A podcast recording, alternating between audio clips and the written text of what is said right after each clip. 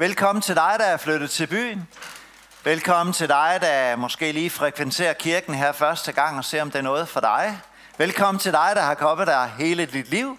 Der er en del af kirke. Det er rigtig godt at være sammen som kirkefamilie. Jeg glæder mig rigtig meget til det, der ligger foran os. Og det er også derfor, vi har sat fokus på det her tema start. Jeg glæder mig til gospelgudstjeneste næste søndag nede på Østervold kl. 14 sammen med alle de andre fra Randers og øh, skyder Randers festuge i gang. Jeg glæder mig til opstart af livegruppe den kommende uge. Hvor bliver det godt?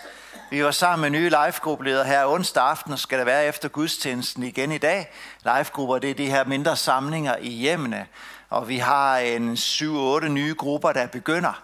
Så det er jo øh, så rigtig, rigtig dejligt at glæde sig. Og jeg håber også, at du har sat et kryds til kirkekamp den 28. og 29. august, hvor vi får lov til alle sammen at være sammen under åben himmel og fantastisk solskin og alt muligt andet godt, der venter os der. Det bliver så godt. Derfor vil vi også den her formiddag og de næste to formiddag sætte lidt fokus på det, vi drømmer om, hvad det er for en kirke, som øh, vi ønsker det her, den evangeliske frikirke skal være. Det skal være en kirke af fagne fællesskaber, der følger Jesus og rækker ud. Om 14 dage, så skal Torsten Conner tale lidt omkring det her række ud i forhold til mission. Næste søndag skal Rune von Weidenberg Kærle tale omkring det her med at følge Jesus.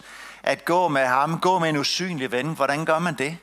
At gå sammen med ham og sammen med andre. Men den her formiddag, der har jeg fået lov til at åbne ballet ved at tale om at være et fagnende fællesskab. Det har jeg faktisk glædet mig rigtig meget til, for det handler om måden, vi er sammen på. Det handler om kulturen, det handler om atmosfæren. Så spænd sikkerhedsbæltet, også dig, der ser med hjemmefra. Nogle gange så øh, har jeg samtaler med mennesker fået slynget den her bemærkning ud.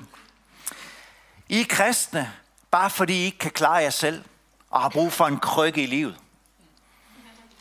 Og nogle gange så er jeg blevet sådan lidt provokeret. For det føles lidt som sådan, at vi er sådan lidt er vattede, og vi gemmer os under støtte fra en eller anden Gud, og, og vi kan ikke finde ud af at klare os selv. Og, mm, samtidig, så må jeg være helt ærlig, jo mere jeg har reflekteret over det, både i mødet med livet, og når jeg læser i Guds ord, hvad evangeliet fortæller os, så er jeg faktisk kommet til den konklusion, det er fuldstændig rigtigt. Vi kan ikke klare os selv. Kristendom, det er for dem, der ikke kan klare sig selv. Det er for de fattige. Det er for dem, der har afhængig af noget, der ligger ud over dem selv. Næsten alle, jeg kender, de kom til tro på Gud, fordi de oplevede noget i virkeligheden, som de ikke kunne klare selv. Og så begyndte de at søge efter noget mere. Mille Kramme er et rigtig godt eksempel på det. Noget mere stabilt. Og så fandt de en tro på Jesus. På den anden side, så er jeg også nogle gange løst stødt ind i bemærkningen.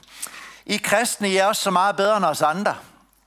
Og jeg synes, den gør sådan, det er sådan en, der gør, den rammer lige, øh, ja, den rammer lige i maven, den rammer lige i solar plexus, fordi det er jo slet ikke den følelse, vi normalt sidder med, eller jeg sidder med. Følelsen af utilstrækkelighed og tilkortkommenhed, det er langt mere følelsen end af vellykkethed, og vi bare mestrer livet.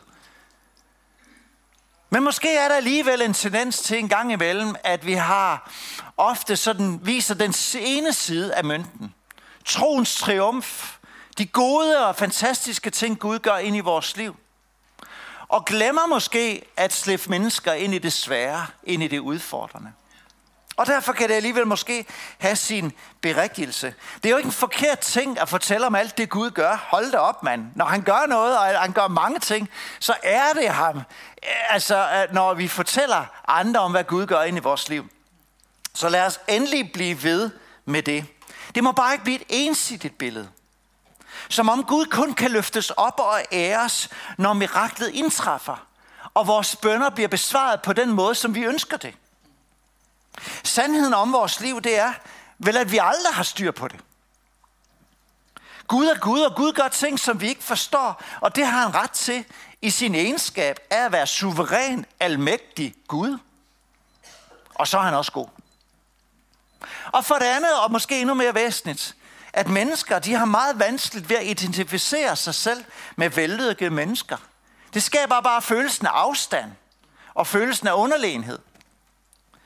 Og jeg tror ikke, der er nogen, der forventer, at vores liv skal være problemfrit.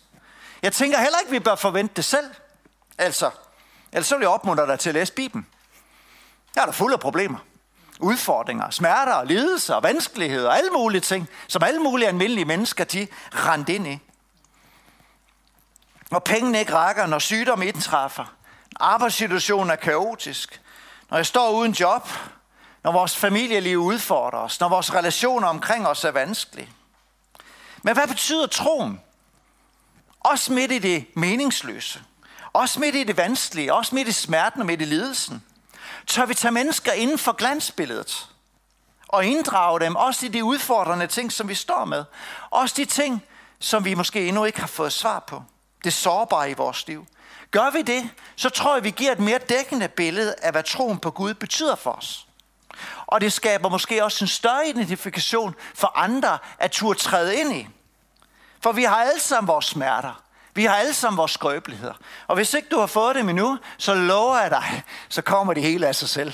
Bare det at være menneske. Men den her åbenhed og sårbarhed, som vi kan vælge at vise andre mennesker, i forhold til vores menneskeliv og trosliv, det kan skabe et helt utroligt inkluderende og fagnende fællesskab. Så, så møder vi ikke hinanden som de stærkeste klub. Så møder vi hinanden ved smerten. Og der kan vi alle sammen få lov til at føle os hjemme. Og det er den form for kirkefamilie og fællesskab, vi ønsker at være. Sårbare, ærlige, autentiske, uden løftede pegefingre, uden fordømmende holdninger og fordomme, men virkelige mennesker, der har lært at kende Gud midt i vores skrøbelighed og vores utilstrækkelighed. Et kirkefællesskab, der er renset for det polerede, hvor tingene bare skal se godt ud på afstand. Vi vil nemlig gerne skabe en sti for dig, som ikke kender Gud, igennem et sårbart, fagnende fællesskab. Så der kan skabes håb hos dig, til at der er en Gud, der også kan rumme dine udfordringer og dine svagheder, ligesom han har rummet os og vores uperfekte liv. Yes. Er det rigtigt? For et par uger siden, ah, på den anden side af sommerferien, der havde vi sådan en samling op på Mariavej, som er vores anden lokation. En aften, hvor vi havde tid til bare at tilbyde Gud, som vi gjorde før her. Og der var der et par stykker, som sagde ved afslutningen af, af mødet, der var sådan en dejlig atmosfære, den her sårbarhed.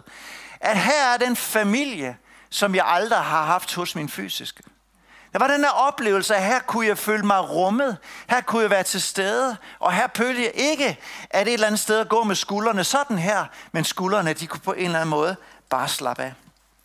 Det er det, vi ønsker. For mange år siden, før jeg blev født, så mistede mine forældre deres ældste dreng, altså min storebror. Han var kun syv år gammel, og han blev klemt ihjel under en traktor på vej hjem fra skole, fordi han fik et lift fra en af mine forældres naboer.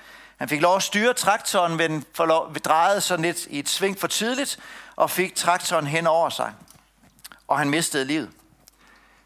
Jeg kan jo ikke beskrive mine forældres følelser, men jeg kan godt genkende noget af det ved at være far til tre. Det her tab af deres ældste dreng.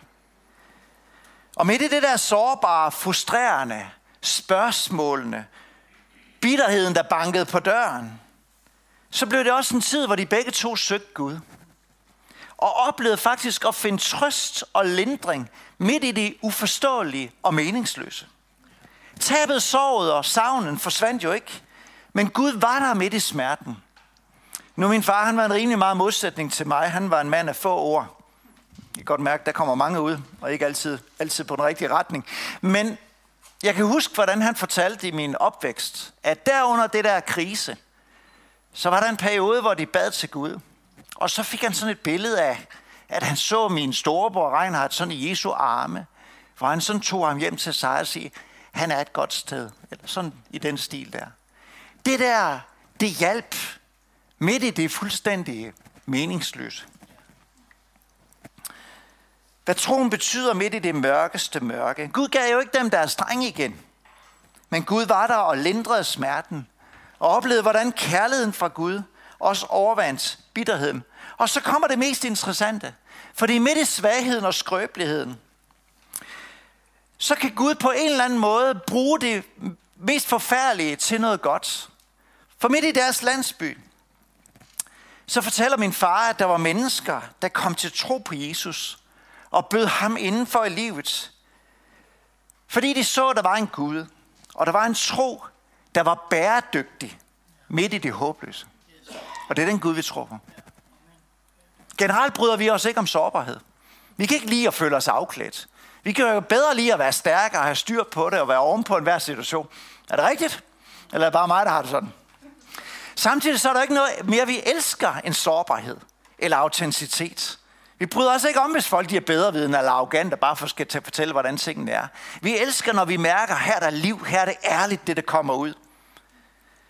For på en eller anden måde, så kan vi identificere os med det. Det skaber respekt for mennesker, der tør dele også det, der er vanskeligt. Og det er jo meget, rigtig meget menneskelivet, som vi ikke rigtig har styr på, eller der ikke giver logiske svar på. Men hvad betyder troen for os midt i det tilsyneladende vanskelige? Det er det, jeg gerne vil sætte spot på i formiddag. Og det er faktisk Bibelen, der fortæller rigtig meget omkring sårbarhed og magtesløshed. Vi skal stoppe op ved to passager. Det ene, det finder vi i 2. Korinther 4, det andet finder vi i 2. Korinther 12. Under den her overskrift, at være et skrøbeligt, fagnende fællesskab. For det vil jeg rigtig gerne, vores kirke kunne få lov til at bære præg af. I det første afsnit, fra vers 1 til 12, der fortæller Paulus om sin opgave på jorden. Han fortæller om, at det er et privilegium at tjene Gud. Han fortæller om, at han vil bare være sand over alle de ting, han gør.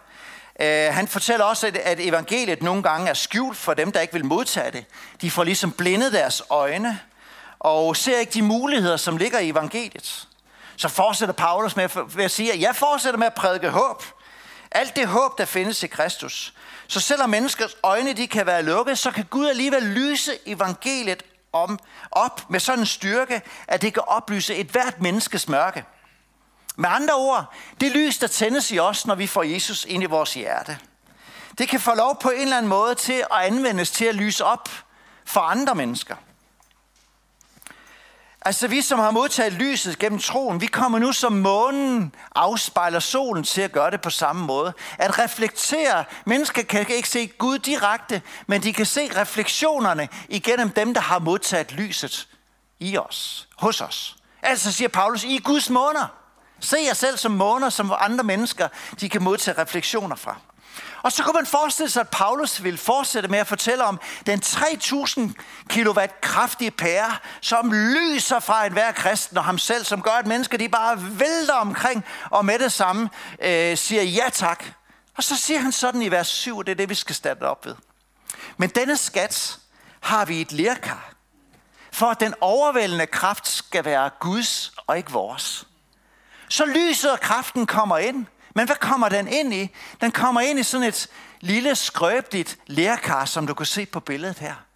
Porøst, utilstrækkeligt, ufuldkommen. Og så sammenligner Paulus sig selv med sådan et lærkar. Han fortsætter den beretning med at fortælle om, hvordan han er trængt og tvivlrådig, forfulgt og blevet slået til jorden. Det der lærkar, det har fået sådan nogle hug. Og så siger han, men bag ved lærkart, der er skatten. Så på den ene side svaghed og skrøbelighed, og på den anden side så giver Gud i ham kraft og styrke til det vanskelige. Han siger, at han bærer Jesu død, øh, den død Jesus led med i sit lame gennem alle de her lidelser. Men han siger også, at Jesu liv styrker ham, frelser ham og hjælper ham midt i det svære. Det er som om smerten og lidelsen får Jesus til at træde tydeligere frem i Paulus' liv, og måske også vores. Når du læser om, hvordan Paulus kom til Korinth, så gjorde han det i kapitel 2 i 1. Korintherbrev. Der fortæller han, hvordan han kom svag, bæven, træt, fyldt med fysiske skavanker. Det var ikke gået særlig godt i Athen. Så han kom der og var på en eller anden måde ikke særlig stærk i sig selv. Og så sagde han, men jeg beder sådan om, at I må få lov til at få øje på det, jeg bærer med mig. Skatten i mig, og ikke så meget lærkart. Hvordan kan det være, at Gud nogle gange tillader, at vi som Paulus fremstår lidt skrøbelige og lidt porøse. Vi som jo umiddelbart foretrækker stærke, pæne, glaserede lærkar. Paulus giver eksemplet der. Jeg svarer det i vers 7, og han siger, det er som om, at jo flere sprækker der er i vores liv, jo mere smerte, sårbarhed, knups, lidelser, sorry to say, med indgang til sommerferien her, des flere svagheder og huller, desto større chancer er der for, at lyset i lærkart slipper ud til glæde og gavn for dem omkring os. Så vi behøver ikke at være stærke. Vi behøver i virkeligheden bare at trække på de den kraft, der ligger i os, som Jesus har givet os, som glæde til os selv og til gavn for mennesker omkring os. Det synes jeg er et dejligt sted at være. Og det kan jo være, at mennesker omkring dig råber, Hallo, du har jo en skat derinde. Giv mig det, selvom du kan føle dig lidt laset og noget porøst. Så Paulus' billede med skatten i lærkart, det handler om sårbarhed og noget tilsyneladende svagt og revnet. Det gør bare, at lærkaret og dermed Kristus måske træder tydeligere frem i vores liv. Det er meget befriende, det budskab. Og det er sådan evangeliet er. Det handler ikke, hvor stærk en tro du har. Det handler ikke, hvor gode evner, hvor moralsk og viljefast du er. Det handler om, hvor meget du tillader skatten i lærkart. Forvandle dit perspektiv og give dig styrke og kraft til i dag. Og det er meget langt fra facade og maskebal. Og jeg synes, vi nogle gange mærker det, når for eksempel sådan en pandemi, eller sygdom, eller livets anvendeligheder pludselig rammer os, og minder os om, hvor skrøbelige vi i virkeligheden er og hvor lidt vi har styr på tingene, og hvor meget vi trænger til den skat, der er hos os. I 97, der blev jeg ramt af sådan en depression. Af mange forskellige årsager. Jeg lå ned stort set et helt år. Og der var ikke noget lys, det var bare mørke. Jeg kunne slæbe mig afsted på arbejde, og det var sådan set det. Så var der ikke noget mere hjemme. Og alligevel var det et år. Så når jeg ser tilbage på det, så var det også år, hvor Gud han bare gav mig noget, midt i der bare ikke var nogen kræfter. Året efter, for at det ikke skal være løgn, så mistede jeg faktisk mine forældre, begge to, samtidig næsten. Det var sådan, at min mor hun døde pludselig af en blodprop, ellers at være fuldstændig rask og frisk. Jeg havde en lille forvarsel, så oplevede også på en eller anden måde Guds hjælp og styrke i det. Samtidig så blev min far dement og forsvandt for os det efterår, og kom aldrig tilbage. Og alligevel, når jeg kigger tilbage på det år, som var fuldstændig håbløst og uforståeligt og mærkeligt, og der var ikke nogen mening som sådan, så gav Gud mig alligevel en styrke og en kraft, som jeg trækker på i dag. At han er med, også ind i de ting, som vi ikke forstår. Også i de ting, som vi umiddelbart ønskede os anderledes. Vi har en tro, der er bæredygtig. Og Paulus' budskaber til os stærke, eller også stærke korinther, det er, at det handler ikke om lærkarts styrke, det handler, det er sådan set underordnet. Det handler om lyset og troen på Jesus, som ligger gemt derinde, at det får lov til at trænge igennem. Og det er sådan min drøm, at vi kan få lov til at være en kirkefamilie med mange svage, skrøbelige lærkar, som rummer os selv og som kan fagne hinanden. Og vi skal sidde og se, hvor stærke vi er, men hvor meget vi har brug for ham, som har bragt os sammen. Og den styrke, han giver os. Sådan et fællesskab vil jeg gerne være en del af.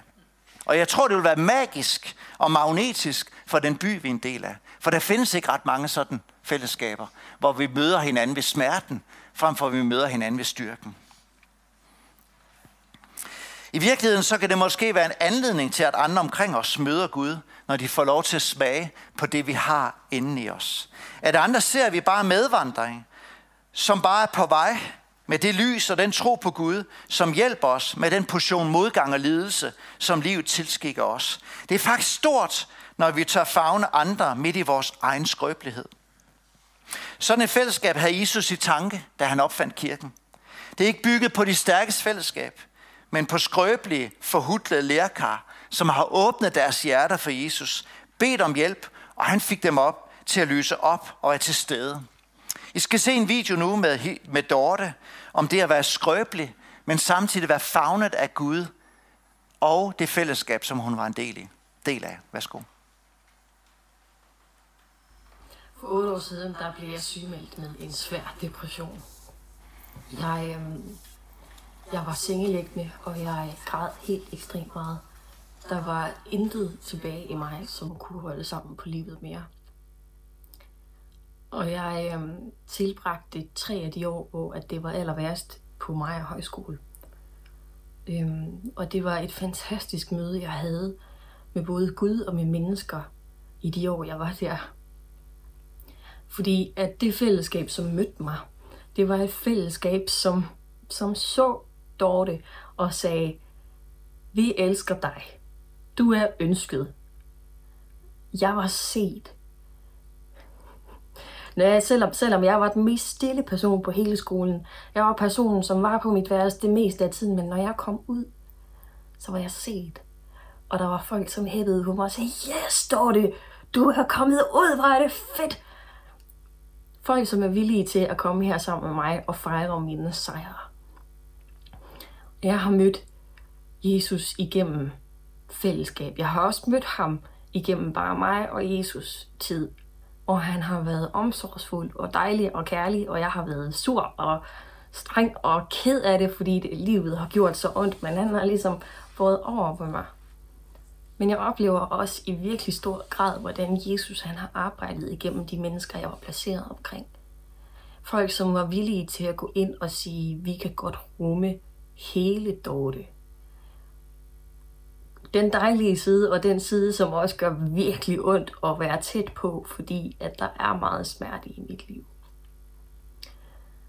Og det var så vigtigt at få lov til at møde Gud igennem andre mennesker. At få lov til at vide, at der faktisk er en verden, hvor at der er mennesker, som er villige til at elske den enkelte. Og villige til at sige, hey, vi ønsker det absolut bedste for dit liv. Øhm. Jeg sad, jeg græd rigtig meget, og jeg var virkelig fortvivlet i de her år. Og jeg kan huske, at da min coach han flytter fra byen, så så sad jeg og snakkede med min psykolog, og hun sagde, at det er som om, at Gud han har brugt hans arme til at holde om mig. Så jeg, så jeg skulle vide, at jeg ikke var alene midt i det, jeg gik igennem. Og det er bare så sandt. Jeg oplevede virkelig, hvordan Gud han gik ind og fagnede mig igennem min coach. Han gik ind, og så sagde han, Dorte, jeg er lige her. Jeg er lige her. Og jeg går ingen steder. Se, jeg sender sådan en mega nice person som din coach ind i dit liv jeg sender sådan en mega nice person som kendt, som bare lige kan sige, yes, Dorte, det går godt. Du gør det godt. Og det er så vigtigt. Det er så afgørende. Tænk, hvis vi kunne øh, få lov til at være sådan en person, som øh, kunne få lov til at fagne en anden svaghed. Og tænk, hvis andre kunne få lov til at fagne os, når vi er svage. Det er den form for fællesskab, som Jesus havde tanke for denne form for fællesskab, som på virkelig får lov til at gøre en forskel. Tænk, hvis vi går frem til nogle fællesskaber. Hvorfor er det nogle gange, Gud han slår lidt hårdt på vores lærkar? Måske for at minde os om, at vi har begrænset styrke. Måske for at minde os om, at han rent faktisk ønsker hullede lærkar. For at han kan træde tydeligere frem i vores liv. Måske fordi verden den er lidt kold. At det vil tiltrække mennesker omkring os, når de får lov til at opleve at se vores sårbare liv, og samtidig får lov til at få øje på skatten, som er hos os. Og hvordan når man så derhen til? Hvordan får man en erkendelse til at leve et sårbart liv? Det begynder i hvert fald med en erkendelse om, at jeg har brug for Jesus, og jeg har ikke brug for mig selv. Jeg har brug for den kraft, han ønsker, vi skal leve af. Det er faktisk pointen i teksten her. At vi er dybt afhængige, ikke af os selv, men den skat, han er for os.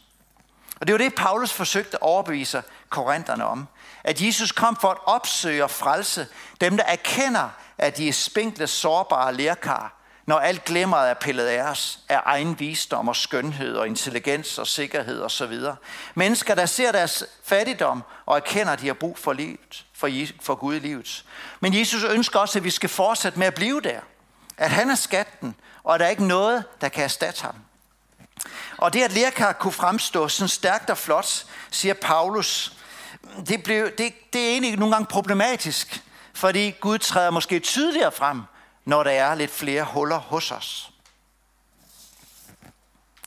Det er en stor beslutning at lade Gud få lov til at blive vores skat.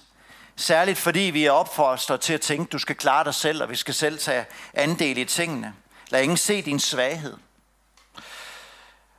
Så på mange måder, så kan jeg godt forstå, at det kan være vanskeligt at give sit liv til Gud. Men tænk, hvis man kan få lov til at møde et fællesskab, hvor man får lov til at se mennesker, som har oplevet det, og oplevet den erfaring, det er at få lov til at se den skat, som evangeliet er. Og her kan vores liv og vores erfaring og vores sårbarhed, hvis vi tør vise den, vores smerter og lidelser, vores kriser, det kan blive andres lykke når vi får lov til at fortælle om alt det, troen virker med stor frimodighed, men samtidig også slippe mennesker ind i det vanskelige, så de oplever hele virkeligheden.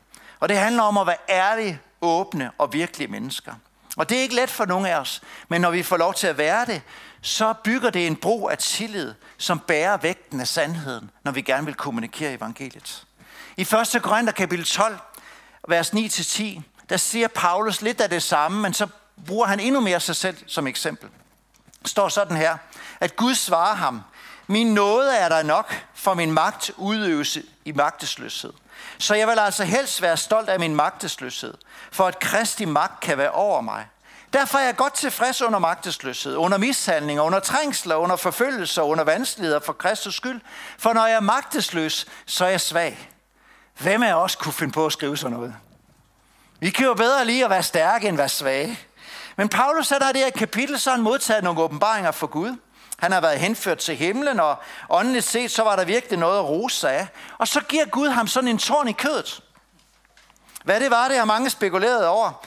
Det fremstår ikke tydeligt, så lad os glemme det. Men det vi i hvert fald gør, det er, jeg kan se, det er, at det er en belastning. Det er en irritation hos Paulus. Det er noget, som giver ham, gør ham svag. Og han beder Gud om at fjerne det, så siger Gud, nej. Så Gud vidste bedst, hvad der tjente evangeliets fremgang. Og i det her tilfælde, så var det bedst for Paulus, at han havde den her tårn i kødet. Så det der umiddelbart så ud som at være en budbringer for satan, som han kalder det, til at slå Paulus, det bruger Gud suverænt til at frembringe noget godt i Paulus' liv, som tjener til evangeliets fremgang. Det er sådan logikken går.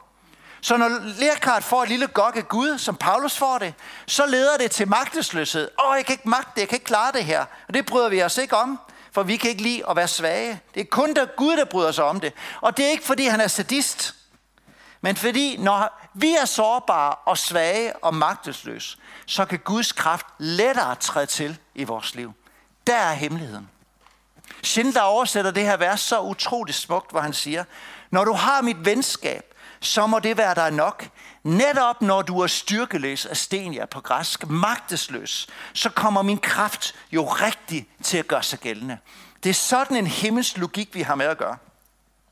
Vores magtesløshed og storbarhed stiller sig ikke i vejen for Gud. Tværtimod, så giver det Gud mulighed for at hjælpe os og træde os til og blive redskaber, som andre kan få gavn af. Jesu inkarnation og liv og død virkede jo utrolig svagt. Han kommer ikke og bliver født på Herodes' palads, men en stald med lugt af, duft, øh, duft af dyr. Han vælger ikke en prangende livsstil. Han går almindelig klædt. Han omgives med tvivlsomme mennesker. Han beskyttes for at være svag. Og selv før han stød, så har han ikke behov for at forsvare sig. Når Pilatus siger til ham, ved du ikke, at jeg har magt til at slå dig ihjel eller give dig fri? Så siger Jesus, du har aldeles ingen magt over mig, men jeg vælger at dø. Og så vælger han den mest sårbare og ydmygende måde at dø på. Forbandet er den, der hænger på et træ. Men midt i det, der er så svagt, så ynkeligt, så sårbart, så ligger den kraft til frelse hos os i dag. Gennem lidelse og død åbenbarede Gud sin kraft til frelse, og det gør han stadigvæk igennem svaghed. Derfor siger Paulus, så vil jeg rose mig af min magtesløshed for at Kristi kraft rigtig kan bo i mig, lyset rigtig kan trænge igennem mig, det er en besynderlig form for logik. Man skal virkelig have oplevet, før det på nogen måde giver mening. Vores fællesskab er altså ikke den stærkeste klub, men de svages fællesskab, der knytter sig og klynger sig til Guds nåde, og den kraft, der åbenbares, når man er svag. Og det skrøbelige, fagne fællesskab, det vil vi gerne strække os imod. Det vil skabe autentiske mennesker, som dem omkring sig også kan identificere sig med. Og så skaber det trivsel og vækst hos os selv, for vi kan sænke skulderen og være selv, og tale sandt om livet, og tale sandt om Gud. Det er at have et sted at kunne gå til, hvor det naturligt kunne dele sit hjerte, sine skuffelser og sine konflikter, og man ikke oplever, at man er forkert. Det er der ikke mange, der har mulighed for. Det er, at man tør at være sig selv, at man lader maskerne falde, og lader folk få lov til at se ind bagved. Tillad det i Jesu navn, for din egen skyld og for dem omkring dig. Og vær den, du i virkeligheden er. Tør være et sårbart og åbent menneske, så andre får øje på skatten, der ligger gemt hos dig. Vil lovsangen komme frem? Man proklamerer, at man ikke kan leve i egen kraft og forsøger at få det til at se godt ud, men får lov til at tillade, at Gud kommer til, så skatten træder frem. Så hvordan kan vi så få lov til at opleve det her skrøbelige, fagnende fællesskab? Jeg tror for det første, det er at beslutte os at have nogen, vi går sammen med. Medvandrer. Det er at have nogen, hvor vi deler liv med. Hvad enten det er en mentor, eller det er en livsforvandlingsmarker, eller det er en ny i troen, som du deler porøs, dit eget porøse liv med. Så gå med nogen. Jeg har lyst til at opmuntre alle til at være en del af Life Group. For det giver sådan et sted en mulighed for, at man har lov til at mærke hinanden. Ikke ved styrken, men ved smerten. Vi har haft nogle af de stærkeste autentiske oplevelser i vores gruppe, som vi nu siger farvel til, fordi vi bygger en ny her efter sommerferien. Ved det at få lov til at, at bare kunne dele åbent om livet, og samtidig også være med til at bede for hinanden, midt i det vanskelige, midt i det smertefulde. Det kunne ønske, at hvert menneske på jorden fik lov til. Hvis du den her formiddag ser med hjemmefra, eller her, og ikke har lært Jesus at kende, så er det den største oplevelse og erfaring, du kan gøre dig. Han vil elske at flytte ind i dit liv, fjerne mørket og tænde lyset, uanset hvad du oplever at have brug for af skam eller tilgivelse, som han kan få lov til at tage fat omkring. Hvis du ønsker at sige ja til Jesus, så kan du bede den her bøn sammen med mig nu. Hvad enten du sidder her i formiddag, eller du ser med hjemmefra, kan vi bede sammen. Jesus, jeg byder dig ind for i mit liv. Tilgiv mig min synd, og det jeg skammer mig over. Tænd lyset i mig, og giv nyt liv. Jeg erkender, at jeg er et skrøbeligt lærkar, som har brug for noget fast og stærkt. Det vælger jeg at tro på, at du fra nu af vil være klippen i mit liv. Den jeg følger, og den jeg vil bygge mit liv på. Jesus, bliv min skat. Amen. Skal vi rejse os op? Jeg vil gerne bede forbederne om at komme frem. Det kan være, at du i formiddag sidder i en sårbar og vanskelig situation.